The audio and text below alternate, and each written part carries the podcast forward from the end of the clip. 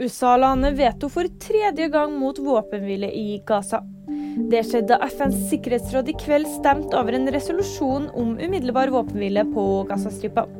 USA jobber i stedet med en egen våpenhvileresolusjon som også er kritisk til Israels varslede bakkeinvasjon i Rafah. Det er sendt ut gult farevarsel for is for deler av Østlandet. Og det er bare å ta på seg broddene, for allerede i kveld kan det komme regn som fryser til is. Det er venta at farevarselet varer til onsdag morgen.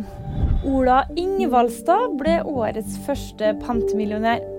Han skulle bare ha seg en sekspakning med øl fra lokalbutikken på Hjelmeland. Samtidig panta han for 57 kroner og trykka på pantelotteriknappen.